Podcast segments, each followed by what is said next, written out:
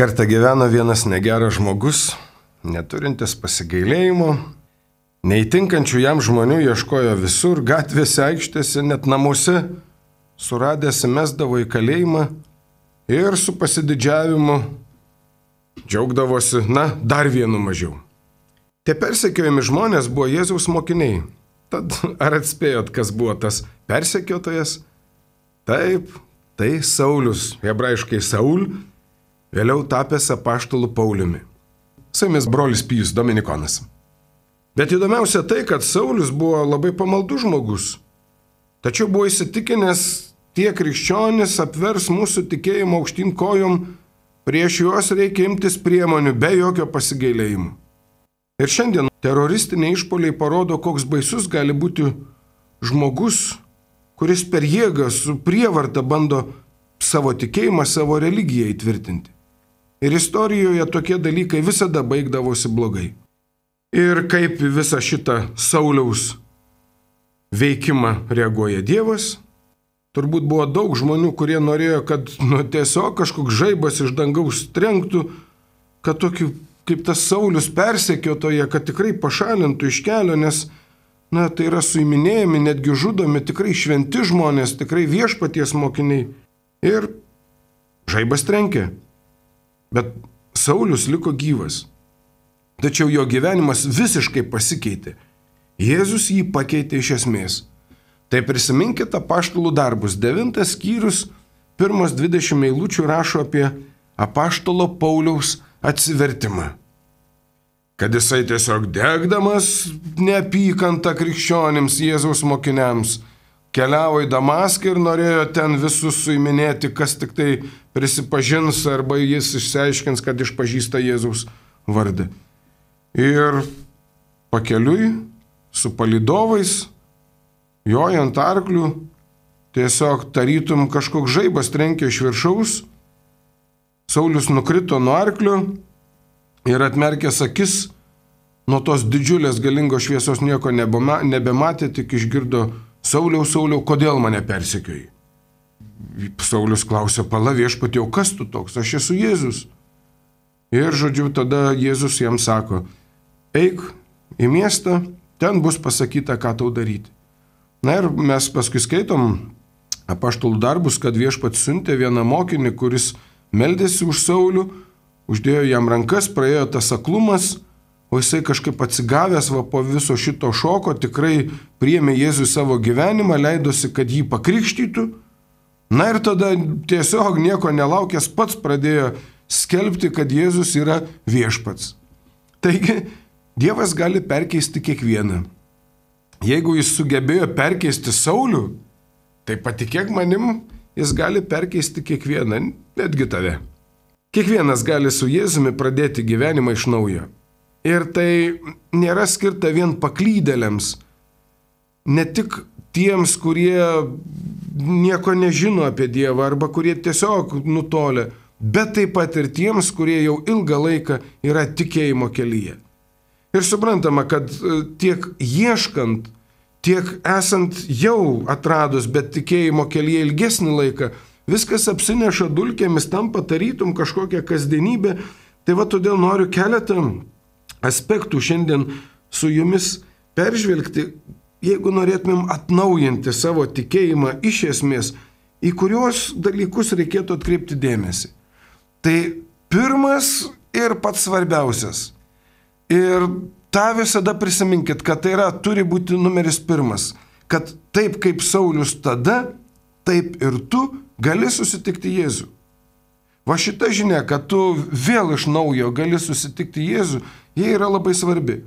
Ta žaibas iš dangaus buvo didelė galinga šviesa, kurios apakintas Saulius išgirdo. Sauliau, Sauliau, kodėl mane persekioji? Jėzus atkreipkite dėmesį, nesako nei pamokslų, nei priekaištauja, nei vardyje, ką blogo tas yra padaręs. Tik vienas klausimas - kodėl mane persekioji? Ir staiga Saulis supranta, Jėzus pasirodo tikrai gyvas, jis prisikėlė. Ir Saulis supranta, vadinasi, aš stovėjau neteisingoj pusėje. Štai tada Saulis tampa Pauliumi. jisai leidžiasi pasikrikštyjamas ir netgi vardą pasikeičia. Ir į tikėjimą jis ateina ne per protingus argumentus, ne per sėkmingą bažnyčios marketingo strategiją ir ne dėl to, kad krikščionis jam buvo mandagus. Visa tai svarbu ir naudinga, bet vien to neužtenka. Visa nulėmė tai, kad žmogus susitinka Jėzų, asmeniškai susitinka. Va čia yra esmė. Tai ir mūsų galbūt kokio nors arba veikimo, arba noro paštalauti, arba noro padėti. Tai mūsų turbūt ir būtų darbas arba netgi pareiga sukurti galimybę žmogui susitikti su Jėzumi, sukurti tą progą, kurio žmogus galbūt tikrai ilgą laiką savo gyvenime ieško. Tai, kad žmogus patiria, jog Jėzus nėra vien istorinė kažkokia asmenybė, bet yra viešpats, tas, apie kurį galiu pasakyti mano viešpats. Žiūrėk, ryte pasidarai podelį kavos, na, dar paskui eini šiandien grįžti, paimi rankas tą podelį, o jis pasirodo tuščias. Pasirodo, įtrūko dugnas ir visa kava išbėgo. Tai gražus podelis, tavo mėgstamas podelis, tu jį labai mėgsti, bet, bet, bet turinio. Tik tai graži ir mėgstama išorė. Taip ir su tikėjimu. Neužtenka išorinių gražių dalykų. Pavyzdžiui, išorė gali būti kokia nors pamaldi tradicija.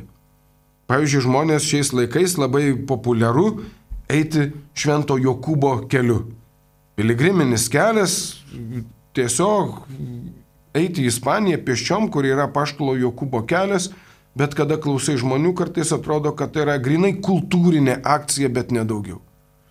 Pavyzdžiui, va ta išorė gali būti kokie nors jausmus paliečiantys elementai, arba pavyzdžiui, kokiu nors teologinių tiesų rinkinys. Tai jeigu pavyzdys, tai būtų žmogus ateina į bažnyčią, sėdi ir sako, aš nusiraminu. Ten gera aplinka, ten gera aura. Tai reiškia, neina kalba apie Dievą, apie Jėzų, eina kalba apie va kažkokią gražią išorę. Arba žino tą senovinį kalambūrą, kad sako, ateina pas kleboną žmogus, sako, klebonė, aš noriu pasikrikštyti, noriu priimti tikėjimą. Tai klebonas tiesiog nieko nesivargindamas paduoda katekizmą, sako, šia, išmok poterius, ateisiu, aš tave paklausinėsiu, o tada pakrikštysiu. Tai visa tai yra gražu ir gera, poteriai tikrai yra nuostabus. Bet visa tai nenulėmė, nulėmė turinys. O tai reiškia, turinys visą nulėmė susitikimas su Jėzumi. Tai tu gali mokėti poterius iš visos maldaknygės atmintinai, bet jeigu nėra susitikimo su Jėzumi, na tai yra tik tai išorė, bet nedaugiau. Tai va, šiandien galbūt puikiai proga klausti savęs, ar aš tikrai gyvenu su Jėzumi, ar tik su išorė. O Jėzus Kaip ir kiekvieną dieną nori šiandien susitikti tave, jis sako, aš esu čia. Ir galbūt tiesiog šiom dienomis paklaus tavęs, taip kaip paklausė Sauliaus. Na, tikiuosi neklaus, kodėl tu mane persekioji. Tačiau tavęs paklaus kažko asmeniškai. Dažniausiai jis nekalba mums taip tiesiogiai, kaip Pauliui. Pavyzdžiui, per įvairius aspektus. Per mokymus, Va štai per Marijos radiją, klausant įvairių minčių, įvairių pamokymų, pavyzdžiui, šventojo rašto, tu pats atsiversi Dievo žodį, šiandien tu melsies, galų gale per kitus Jėzaus mokinius, kuriuos sutiksi šiandien įvairiose gyvenimo situacijose. Tai per tai tu gali patirti, kad tai nėra žodžiai, tai yra Dievo balsas. Turbūt Kas nors galvojat, kad hmm, būtų neblogai, jeigu Jėzus iš ties tiesiai su manim pasikalbėtų, kad aš akustiškai girdėčiau Jėzaus balsą, kad tiesiog paėmęs telefoną mobilų įrašyčiau Jėzaus balsą, bet aš jums pasakysiu, Jėzus turi fantazijos, nes jis nekalba visuomet tik tokią formą. Jis dažnai pasirenka, pavyzdžiui, širdies kalbą. Prisiminkit, apreiškimas Jonui Trečias skyrius, dvidešimta eilutė. Va štai Jėzaus žodžiai kokie užrašyti. Štai aš stoviu prie durų ir beldžiu. Jei kas išgirs mano balsą ir atvers duris, aš pas jį užeisiu ir vakarieniausiu su juo. Taigi Jėzus stovi prie tavo durų. Jis stovi prie kiekvieno žmogaus durų ir beldžia. O tos durys - tai tavo gyvenimas. Tad kaip atverti širdį? Tai iš tavo pusės yra sąmoningai, suvokiant, ką tu darai, nuspausti rankeną. Tiesiog iš tavo pusės tiek tai reikia - sąmoningai suvokiant, atverti duris ir Jėzus pats įeis. Taigi nereikia Jėzaus ieškoti. Jėzus jau yra prie durų. Kartai žmonės, kada klausia, ar tu tikintis, tai žmonės renkasi tokį diplomatinį atsakymą, sako, aš ieškantis. Tai atsakau, tau nebereikia daugiau ieškoti. Jėzus jau stovi prie tavo durų. Jis pats tave surado. Tad iš tavo pusės turbūt tikrai Jėzau ateik į mano gyvenimą, aš kviečiu tave, būk mano viešpačiu. Ir galiausiai kalbėk man, nes aš blogai girdžiu. Ir tu tikrai patirsi, jis kalbasi su tavim. Ir visai kitokiu būdu, negu kalbėjo tada su Pauliumi. Tik tau vienam skirtų ir suprantamų būdų. Tau reikės trupučio kantrybės, kol tu suprasi, bet jis tikrai kalbės tau. Kartą prieina prie manęs mergina po alfa kurso, o žinot, po alfa kurso visada yra liudijimai, ką žmonėms davė tie, tas alfa kursas. Alfa kursas tai yra tokie, na tikrai tikėjimo pagrindai, tai ką privalo kiekvienas žmogus žinoti apie tikėjimą. Taigi ta mergina sako, kažin ar aš teisinga krikščionė, ar aš tikrai atsivertusi. Aš klausiau liudijimų po alfa kurso, kaip narkomanai, alkoholikai, huliganai liudyja, kaip Jėzus prisilietė prie jų, kaip jie atsivertė, kaip įtikėjo, kaip Jėzus juos išgydė. Ir kai jie kalba, spindi jų akis, O aš dėja negaliu pasakyti va tokio pompastiško, įspūdingo atsivertimo savo gyvenimo istorijoje. Tokios kaip pavyzdžiui apaštalo Pauliaus. Na arba iš kitos pusės žmonės sako, aš užaugau katalikų šeimoje. Jėzų nešioju nuo pat vaikystės širdį. Tai ką man dabar daryti? Tai žinoma, ekstremaliuose gyvenimo istorijose ekstremalūs yra atsivertimai. Taip ir su Pauliumi. Jėzus jį numetė nuo arklio ir tiesiai į veidą prabilo. Todėl, kad Paulius buvo itin sunkus atvejis. Atitinkamai ir jo atsivertimas tikrai dramatiškas. Tai tokių istorijų yra ir šiandien. Va, pavyzdžiui, iš mano asmeninės patirties. E, kada studijavau Vokietijoje, mūsų dominikonų bažnyčia ateidavo tiesiog kiekvieną rytą, kiekvieną mielą rytą į rytinės mišes ateidavo toks tamsaus gimė vyras. Ir kadangi jis toks nuoširdus lankytojas mūsų bažnyčiai, tai aš jį tiesiog užkalbinau. Ir kai pradėjau su juo kalbėti, pasirodo, jisai sako, aš buvau jaunystėje musulmonas. Buvau jaunas idealistas, užsidegęs kovoti dėl tikėjimo ir sako, patikėk, tikrai planavau stoti į Al-Qaeda stovyklą ir dėl tikėjimo planavau eiti, mokytis, kaip ten reikia kovoti žadėjau važiuoti karinę stovyklą ir tiesiog man atrodė, kad tikrai tos netikinčiuosius juos tiesiog reikia sprogdinti.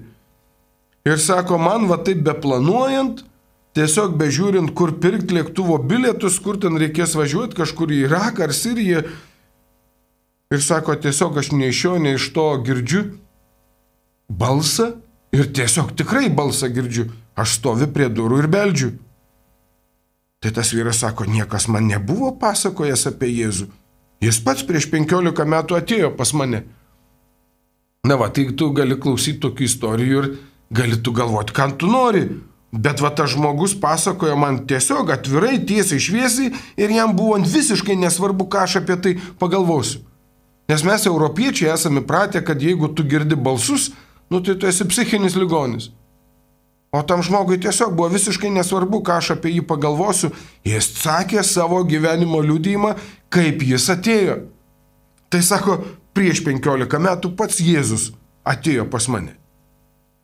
Tai va, bet ką aš noriu pasakyti, kad dėmesio nebūtina, kad Jėzus va tokiu radikaliu būdu ateitų į tavo gyvenimą. Juk esame girdėję daug liudijimų, tiek iš šventojo rašto, tiek iš mūsų aplinkos, kad žmonės atranda Jėzų, bet netokia pompastiška forma ir be tokių pompastiškų teatrališkų išgyvenimų. Kodėl? Todėl, o tai yra tikrai nuostabiausia, kad Dievas mus sukūrė, Jis pažįsta mus asmeniškai ir labai aiškiai žino, koks teisingas kelias į tavo širdį. Jis žino, kaip į tave prakalbėti. Jis žino, koks tavo kelias į tikėjimą.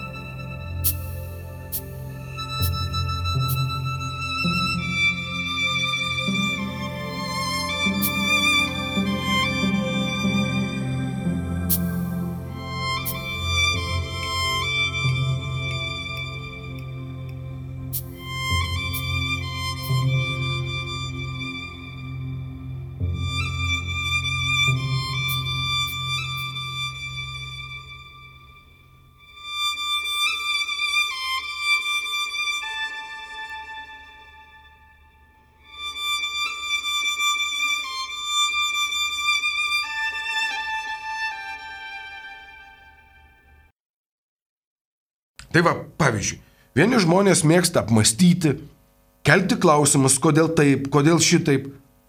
Ir žiūrėk, per apmąstymus Dievas labai aiškiai atskleidžia vieną tikėjimo paslapti po kitos. Ir aš, pavyzdžiui, kuo toliau, tuo labiau tiesiog esu laimingas žmogus. Aš ir maldauju, sako viešpatie, aš esu laimingas žmogus, kad tu tikrai lyg kokius knygos lapus man prieš akis verti, verti, verti.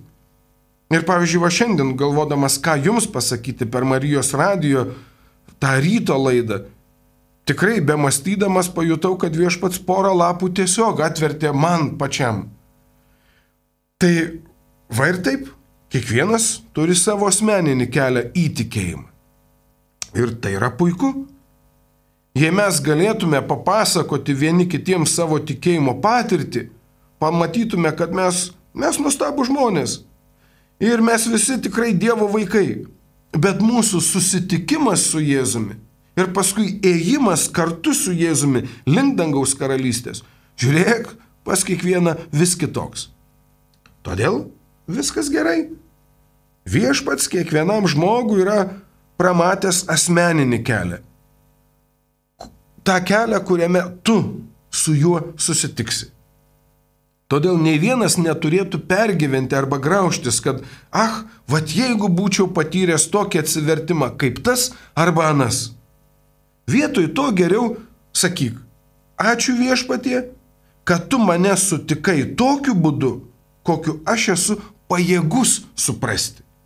Va, tas beldimas. Jėzus sako, aš stoviu prie durų ir beldžiu. Tai ačiū viešpatie, kad tu į mano duris pabeldėjai taip, kad kad aš galiu išgirsti, aš galiu suprasti tavo beldimą. Taigi ir viską nulėmė ne pats atsivertimo būdas.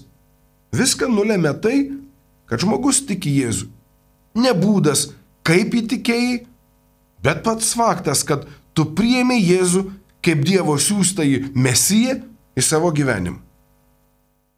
Todėl yra kur kas geriau, jeigu žmogus negali papasakoti savo kokios nors įspūdingos atsivertimo istorijos, bet sako, Jėzus yra mano viešpats.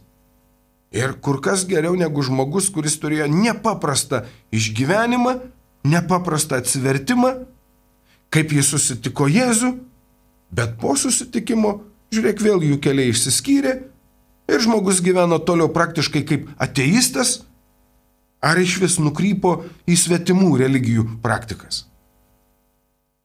Dar vienas aspektas, kurį dažnai girdžiu, žmogus sako, girdėjau, kaip kiti tikintieji liudyje, kad tokia ir tokia diena, tokia valanda, netgi tokia ir tokia minutė tapo Jėzaus mokiniu. O aš dėje negaliu to pasakyti. Bet svarbu yra, kad daugybė žmonių, kurie pamažu įaugo į tikėjimą, žingsnis po žingsnio, kur tiesiog neįmanoma pasakyti, kurią valandą arba minutę tai įvyko. Bet jie yra tikintis, o galbūt ir tikrai daug labiau tikintis už tuos, kurie turėjo staigų atsivertimą. Štai Dievo žodis atsivertimą įvardyja kaip gimimą. Gimimą iš aukšto, gimimą iš naujo. Tai, va pavyzdžiui, iš savanorio kuris dirbo Prancūzijoje su pabėgėliais, girdėjau, kad daugelio pabėgėlių dokumentuose įrašoma, kad gimė sausio pirmą dieną. Pasirodo, kai nežinoma gimimo data, biurokratai tiesiog įrašo sausio pirmą dieną ir jiems neįdomu. Bet nesvarbu, kokia data yra įrašyta dokumentuose.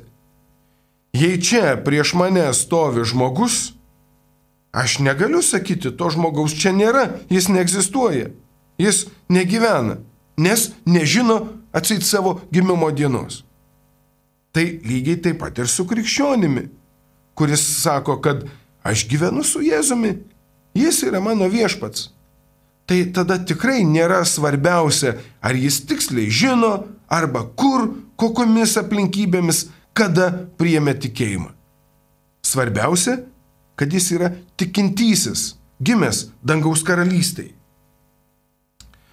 Todėl šiandien kalbam apie tai, kad svarbu būti su Jėzumi ir kad tai nėra vien pamaldus buvimas bažnyčioje. buvimas bažnyčioje toks koks nors pasyvus, arba, pavyzdžiui, svarbu būti su Jėzumi ir nenulėmė tai, kad, pavyzdžiui, vaikas lanko katalikišką gimnaziją, arba kad esi prieėjęs pirmos komunijos. Tai va taip tokie prisiminimai, tai jie labai padeda, ypač va tokiuose pilkose, kasdieniškose situacijose, kada reikia kažkaip atnaujinti tikėjimą.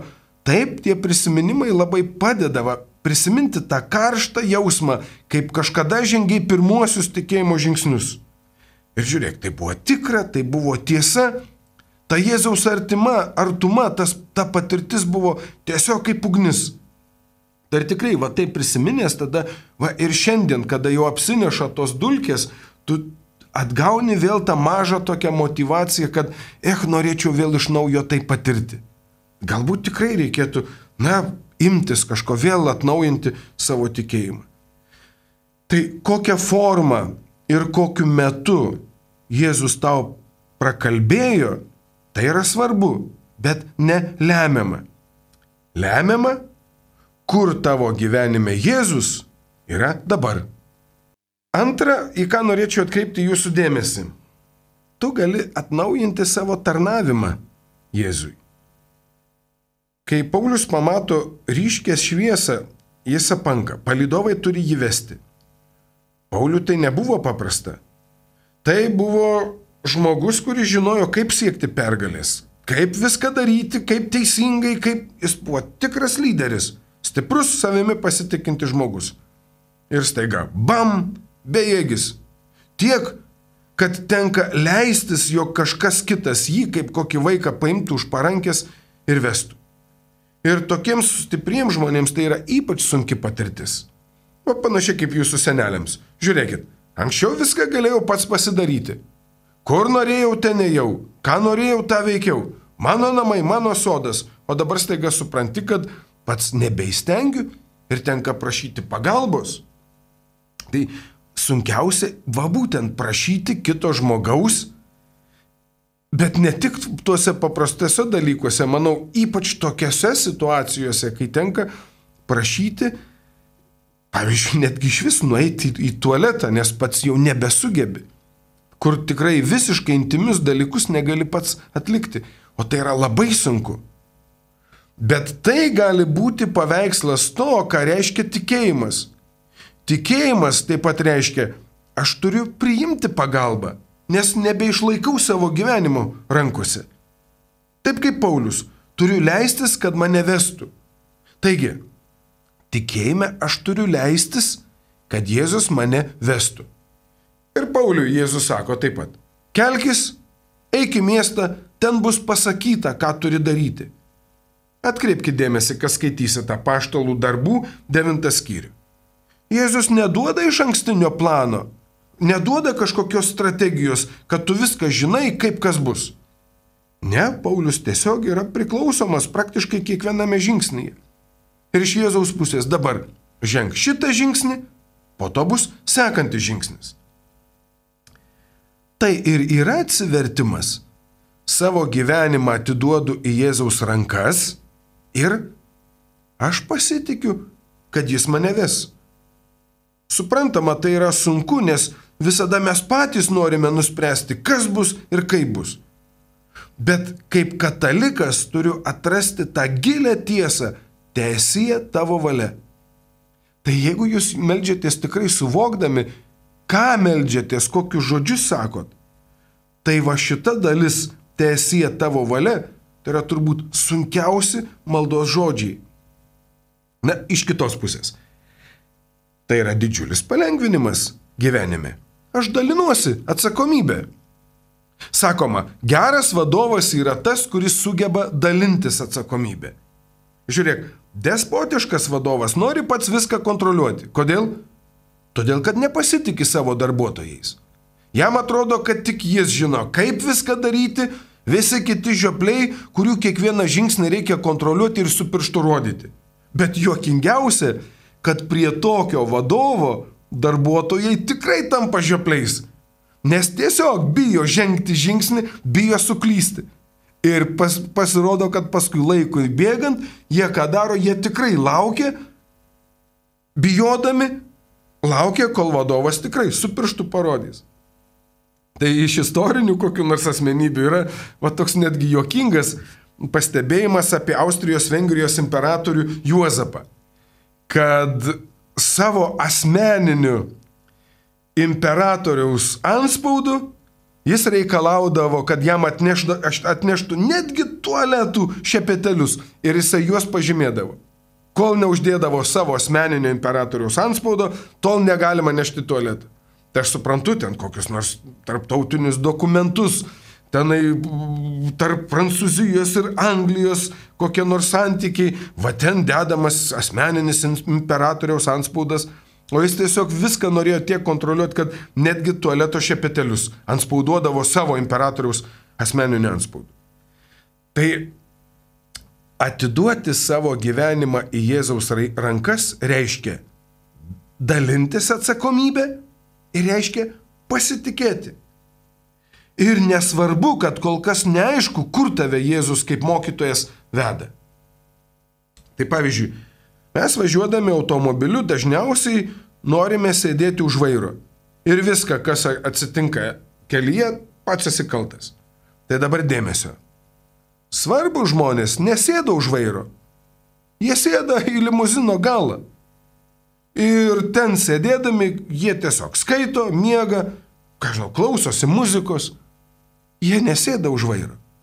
Tai va dabar irgi dėmesio. Jėzus yra patyręs vedlys. Jis aukščiausio laipsnio mokytojas. Jėzus aukščiausios kategorijos treneris. Tai leiskis, kad tave vestų. Va, Pauliui tai reiškia leisti Jėzui vesti į konkrečią misiją. Paulius tai supranta ir leidžiasi. Todėl tuoj pat po atsivertimo jis tampa misionieriumi. Vat labai įdomu, kai tik pradėjo savo tikėjimo kelią, nesakė, kad na dabar užsidarysiu, dabar kažkur kalnuose medituosiu, važiuosiu pas mokytoją, kokį nors važiuosiu pas apaštalus, na ten auginsiu pamažu savo tikėjimą, tai tada po poros metų bandysiu kam nors papasakoti apie Jėzų. Gal? Ne? Iškart? Jėz... Paulius ima pamokslauti, nes jis žino, kad tai jo pašaukimas. Tai buvo kaip ugnis, kurios jis negalėjo nulaikyti savyje. Ir kodėl apaštalui Pauliui po atsivertimo tai taip svarbu? Tai aš galiu suprasti Jėzų. Jėzus, visų pirma, Jėzus jam daug atleido. Būtent jis, tas krikščionių persekiotojas, teroristas, buvo Jėzaus užkalbintas ir pašauktas. Na tai neįtikėtina. Ir antra, jis pagaliau buvo laisvas nuo savo kalčių. Ir mes tai galime.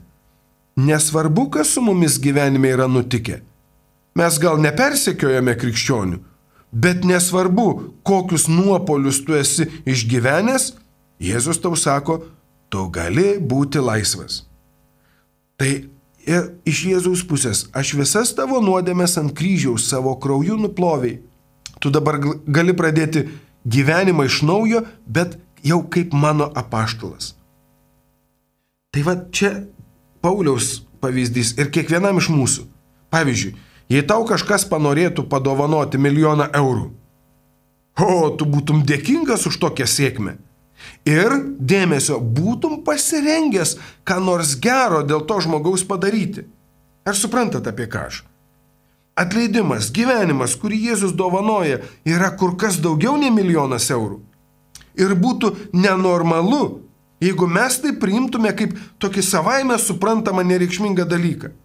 Tai pavyzdžiui, nei iš šio, nei iš to gavęs milijoną eurų, tai tu normalus žmogus būdamas visų pirma būsi dėkingas ir normalus žmogus visada norės atsidėkodamas padaryti ką nors gero dėl to žmogaus, kuris padarė tokį, parodė tokį dosnumą.